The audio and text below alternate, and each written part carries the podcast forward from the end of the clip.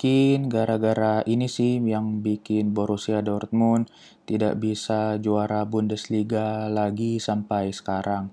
Tapi ya mau gimana lagi sih, emang mantan bikin ngangenin. Berjumpa lagi dengan Yellow Wall ID Podcast.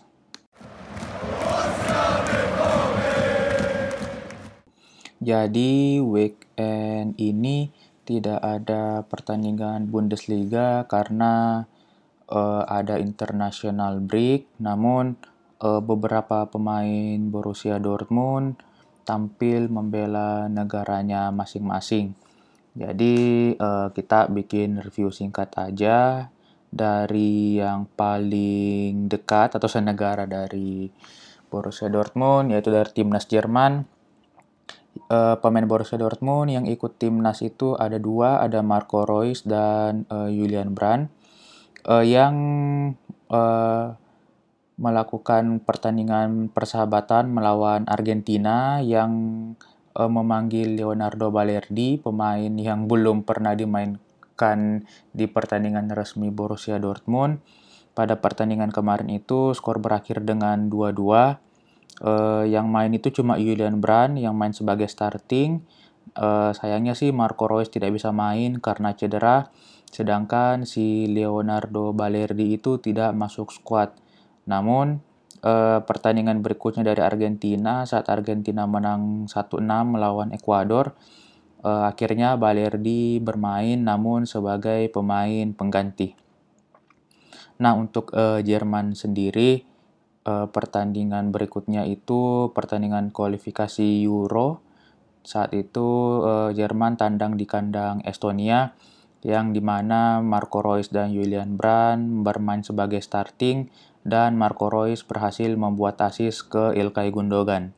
Nah, yang menarik dari performa dan permainan Julian Brand, jadi Julian Brand ini sepertinya sih dia salah dipakai baik itu oleh Lucien Favre dan si Joachim Low karena uh, mereka berdua itu memainkan Julian Brand bermain uh, ke samping, bermain sebagai winger, sedangkan uh, kita tahu dari musim ini aja bahkan musim lalu saat Leverkusen masih dilatih oleh Heiko Herrlich, uh, Julian Brand itu tidak bermain cukup baik saat bermain di posisi samping.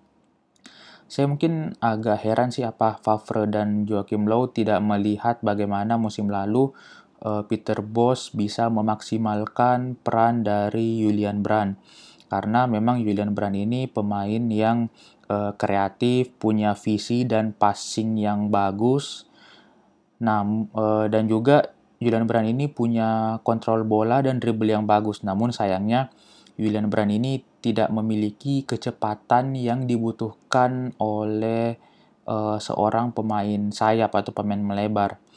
Makanya sih Julian Brand bisa dibilang tidak cukup uh, maksimal jika dimainkan di posisi winger. Bahkan dia pun mengakui kalau dia agak, agak kesulitan jika bermain di posisi samping. Nah, kal uh, sebenarnya sih posisi uh, Julian Brand ini agak mirip di uh, jika disamakan sekarang sih agak mirip dengan Mario Götze yang sama-sama kreatif dan sama-sama punya visi, punya dribble yang bagus namun tidak punya kecepatan atau mungkin bisa dibilang kalau di musim lalu di Leverkusen sebagai posisi nomor 8 mungkin bisa agak mirip ke seperti Gundogan. Nah, namun sayangnya sih ini Julian Brandt selalu digadang-gadang sebagai the next uh, Marco Reus, baik itu di timnas Jerman ataupun di uh, Borussia Dortmund. Namun sayangnya uh, karena tipikalnya mereka berbeda sih jadi ya Julian Brand ini uh, bukan penerus dari Marco Reus. Namun sayangnya sih Julian Brand uh, harus bisa meningkatkan skill bertahannya jika memang dia ingin bermain di posisi tengah baik itu di Borussia Dortmund ataupun di uh, timnas Jerman.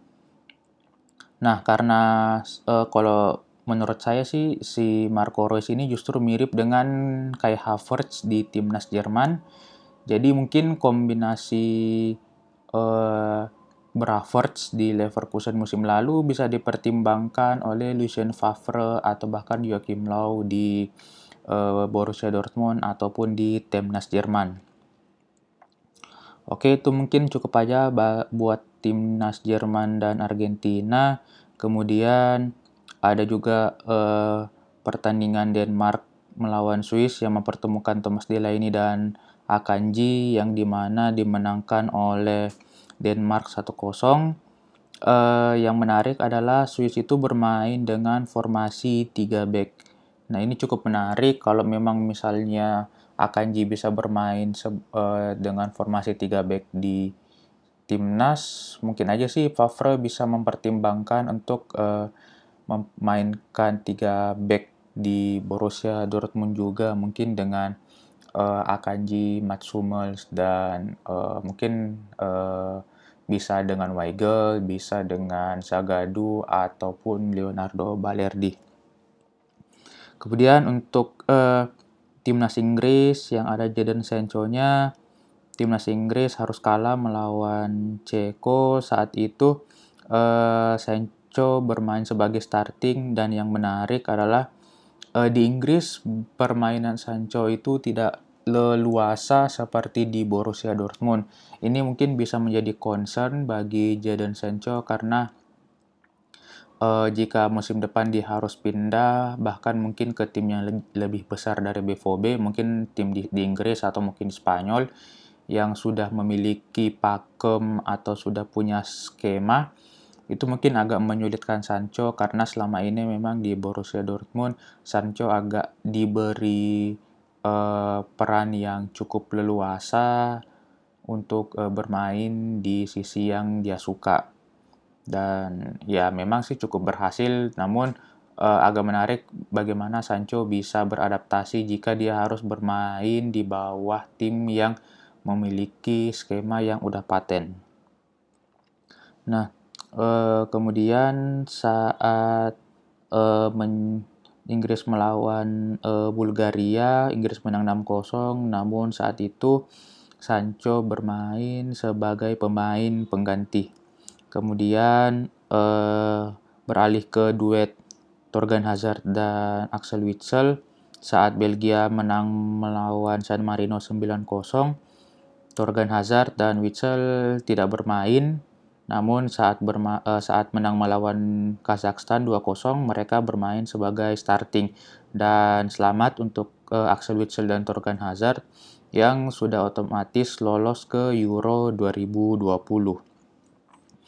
Kemudian uh, Portugal yang ada Rafael Guerrero menang 3-0 uh, saat itu Rafael Guerrero bermain sebagai starting namun sayangnya kemarin Portugal harus kalah 1-2 melawan Ukraina yang uniknya uh, Yarmolenko mantan pemain Borussia Dortmund mencetak gol. Mungkin itu saja untuk timnas senior. Kemudian uh, untuk timnas U21 ada Prancis U21 yang menang 5-0 melawan Azerbaijan yang di mana dan Axel Zagadou mencetak satu gol. Kemudian ada Denmark U21 eh, yang bermain melawan Irlandia Utara dan Finlandia. Yang menarik sini Jakob Brun Larsen di kembali lagi di plot menjadi target man. Meskipun pada saat pertandingan kedua eh, kedua pertandingan itu Jakob Brun tidak mencetak gol, namun mungkin ini menjadi pertimbangan bagi Lucien Favre mengapa dia uh, mempertahankan Larsen dibandingkan dengan Alexander Isak. Bahkan beberapa pertandingan kemarin saat uh, eh, BVB kesulitan mencetak gol, dia dia malah memasukkan Jakob Larsen sebagai uh, pemain target man. Kemudian berita baik dari U17 yaitu Giovanni Reina dia terpilih sebagai Kapten Amerika untuk di World Cup U17. Sekaligus dia juga masuk ke top 60 talent di World Football versi Guardian. Jadi eh, besar harapan sih buat eh, fans-fans Borussia Dortmund sup, uh, jika Reina ini setidaknya bisa meneruskan jejak Christian Pulisic di Borussia Dortmund karena memang mereka juga sama-sama uh, dari Amerika dan memiliki posisi yang sama. Uh, Oke, okay, itu aja sih untuk review singkat dari International Break uh, dari performa uh, BVB di timnas masing-masing. Uh, kita lanjut ke segmen berikutnya.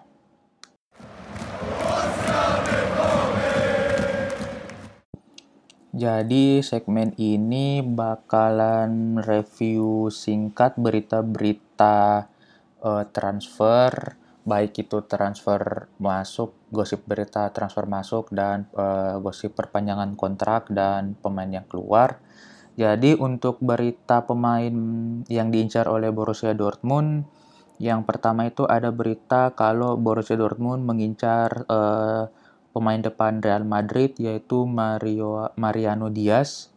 Uh, kalau nggak salah sih musim lalu itu dia memakai nomor punggung 7 sebagai calon penerus uh, Cristiano Ronaldo. Cuma sayangnya uh, dia itu kurang maksimal musim lalu bahkan sempat diejek-ejek karena Mariano itu seperti gabungan nama dari Cristiano Ronaldo dan Angel Di Maria.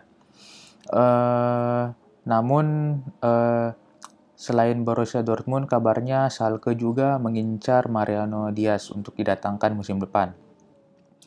Kemudian uh, Borussia Dortmund juga dikabarkan mengincar Alexander Sobolov. Dia itu striker dari Rusia yang berusia 22 tahun yang saat ini bermain di Krylia Sovetov Samara.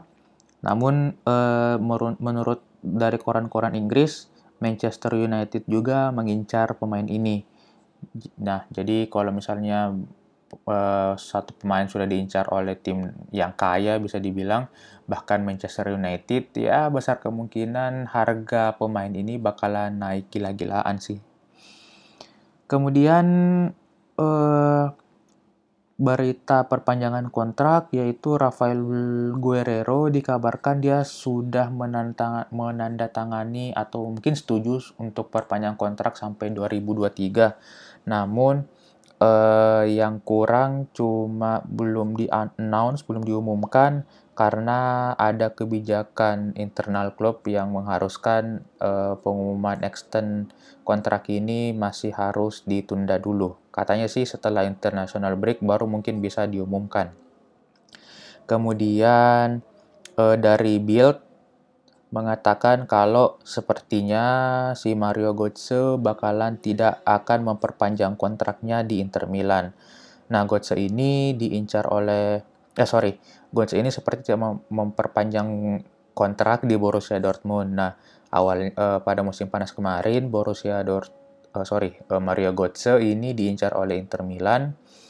Namun uh, sampai sekarang tidak ada pembicaraan intens atau pembicaraan lebih lanjut antara Mario Götze dan Inter Milan meskipun uh, kemarin sempat uh, ada foto kalau uh, Mario Götze dan Anna Katerina Götze itu sedang berlibur di uh, Milan. Oke, itu aja sih singkat untuk berita transfer dan berlanjut ke segmen berikutnya.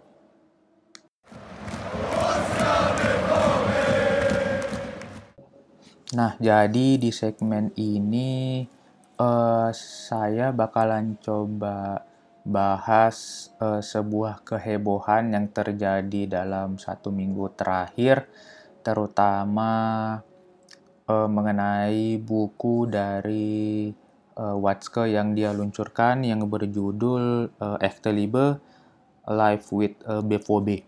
Jadi Watzke ini adalah CEO Borussia Dortmund. Nah, Watzke ini dia adalah bisa dibilang orang yang paling berjasa menyelamatkan Borussia Dortmund dari lembah kebangkrutan karena saat itu dia men-take over Borussia Dortmund saat terancam bangkrut bahkan di uh, kalau kita nonton film dokumenter Borussia Dortmund Inside BVB uh, dari Prime Video di situ udah sangat tervisualisasi jelas saat uh, Watzke uh, apa ya me, mempresentasikan proposalnya ke member-member Borussia Dortmund untuk menjual uh, hak hak nama dari Westfalen Stadion.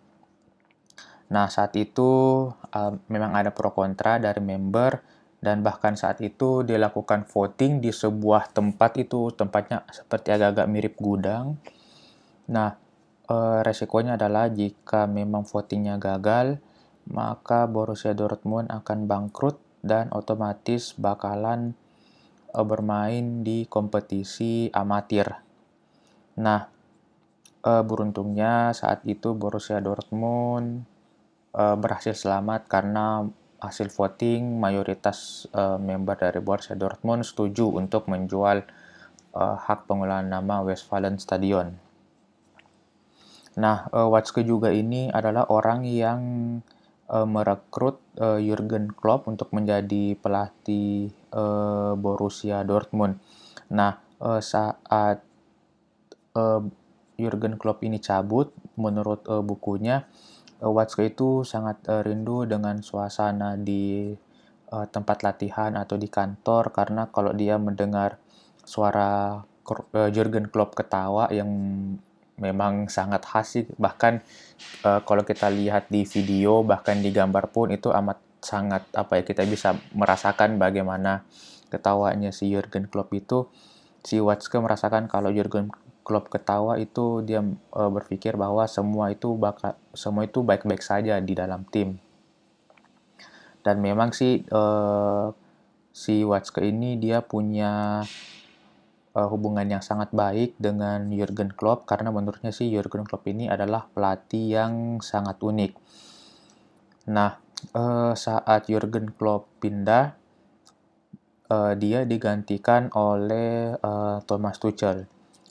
Nah, sayangnya sih si Thomas Tuchel ini dia itu berharap kalau uh, si Watzke ini berharap kalau Thomas Tuchel ini seperti Jurgen Klopp. Nah, namun sayangnya sih memang uh, Jurgen Klopp dan Thomas Tuchel ini adalah orang yang sangat berbeda sekali karena uh, Thomas Tuchel ini orangnya bisa dibilang mungkin agak pendiam dan orangnya memang uh, sangat perfeksionis dan uh, dia itu ingin punya autonomi khusus otonomi penuh untuk uh, tim yang dia latih bahkan uh, bahkan untuk transfer saja dia memang uh, punya preferensi khusus begitu dibandingkan pada saat itu memang uh, untuk masalah transfer uh, dipegang oleh Mislintat dan uh, Zorc. Nah, ini mungkin salah satu penyebab retaknya hubungan Thomas Tuchel dan Watzke karena selain clash dengan si Mislintat, uh, si Tuchel juga si per pernah bilang kalau di Borussia Dortmund itu hierarki apa ya hierarkinya itu sangat kuat. Jadi memang uh, Watzke itu dan uh, Watzke itu sangat memiliki kontrol yang penuh terhadap uh, Borussia Dortmund. Meskipun sih bisa dibilang si Thomas Tuchel ini uh, terbilang sukses melatih Borussia Dortmund karena pada musim pertamanya dia berhasil ke peringkat dua bahkan sukses membawa uh, pokal uh, saat itu mengalahkan Eintracht Frankfurt di final bahkan di semifinal Borussia Dortmund bisa mengalahkan Bayern Munchen di Allianz Arena. Nah, begitu juga setelah si Tuchel cabut, begitu juga dengan si Peter Bosz dan Peter Stoger, ternyata menurut Watzke tidak bisa menggantikan sosok uh, Jurgen Klopp karena memang uh, dari luarnya aja sih si Peter Bosz dan Peter Stoger ini adalah orang yang sangat berbeda dari Jurgen Klopp. Nah, kemudian uh, masuk si Lucien Favre. Nah, yang cukup menarik adalah eh, pada musim panas 2018 itu eh, musim panas 2018 Watzke ternyata menghubungi Jurgen Klopp untuk kembali ke Borussia Dortmund. Nah, padahal saat itu musim lalu Borussia Dortmund bisa dibilang sukses meskipun tidak menjadi juara, uh, tapi hanya terpaut dua poin dari Bayern Munchen. Namun memang cukup mengherankan karena uh, uh, ini ternyata uh, kenapa dia mau ke apa ya menghubungi Klopp uh, padahal uh, musim itu juga si Jurgen Klopp lagi apa ya lagi bagus-bagusnya dengan uh, Liverpool. Nah saat dihubungi oleh Watzke, Klopp itu ngira kalau si Watzke itu lagi mabuk dan uh, Klopp pun mengatakan kalau uh, dia masih memiliki kontrak dengan Liverpool, namun uh, pada uh, saat uh, apa ya proses perilisan press conference perilisan bukunya Watzke, si Klopp pun mengatakan kalau dia tidak menutup kemungkinan untuk kembali ke Borussia Dortmund meskipun dia mengakui kalau masa-masanya di Borussia Dortmund itu bisa dibilang good apa ya bisa dibilang sudah sangat manis begitu. Nah, e, kalau misalnya bisa direview dari bukunya si Watzke ini, mungkin saya berpikir kalau salah satu penyebab Borussia Dortmund agak mandek setelah ditinggalkan Jurgen Klopp karena ya si Watzke itu tidak bisa move on dari uh, Jurgen Klopp. Karena setiap ada pelatih yang baru si Watzke itu selalu berharap kalau pelatih baru itu menyerupai si Jurgen Klopp. Karena uh, kalau efek begini sih bisa dibilang tidak baik baik uh, untuk pelatih itu pelatih yang bersangkutan dan juga untuk keseluruhan squad karena uh, ya gimana lagi seorang CEO, seorang top leader dari sebuah tim yang masih berharap uh, berma memiliki pelatih yang memiliki sosok seperti Jurgen Klopp yang memang bisa dibilang one of a kind untuk saat ini bahkan taktiknya pun juga uh, memang agak sulit direplikasi oleh pelatih-pelatih lain. Uh, jadi menurut saya ini bisa dibilang uh, mungkin sih kasarnya ini adalah sebuah habit yang cukup toksik bagi sebuah tim. Apalagi uh, untuk pelatih yang bisa dibilang cukup sukses pasca uh, klub itu ada Thomas Tuchel yang bisa dibilang cukup sukses dan uh, cukup berhasil membawa Borussia Dortmund. Meskipun uh, pada uh, pada saat periodenya memang ada beberapa masalah transfer yang uh, dia agak kurang setuju namun Thomas Tuchel ini sebenarnya masih pantas untuk melatih Borussia Dortmund sebelum dia uh, dipecat oleh uh, Watzke. Nah, uh, memang sih Klopp itu bisa dibilang salah satu pelatih tersukses yang dimiliki Borussia Dortmund selain ya menurut saya sih si selain si Otmar Hitzfeld. Namun uh, Borussia Dortmund itu sebaiknya sih harus move on dari Jurgen Klopp dan harus menentukan arah mereka selanjutnya setelah ditinggalkan oleh Jurgen Klopp.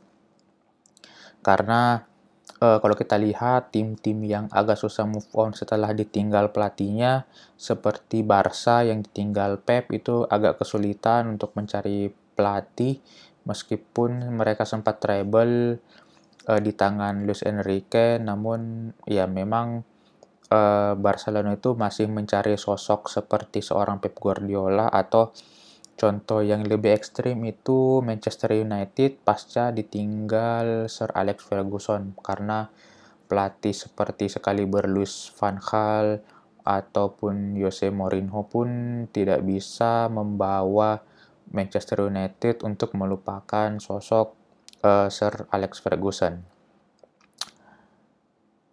Jadi itu aja untuk uh, segmen dan episode kali ini.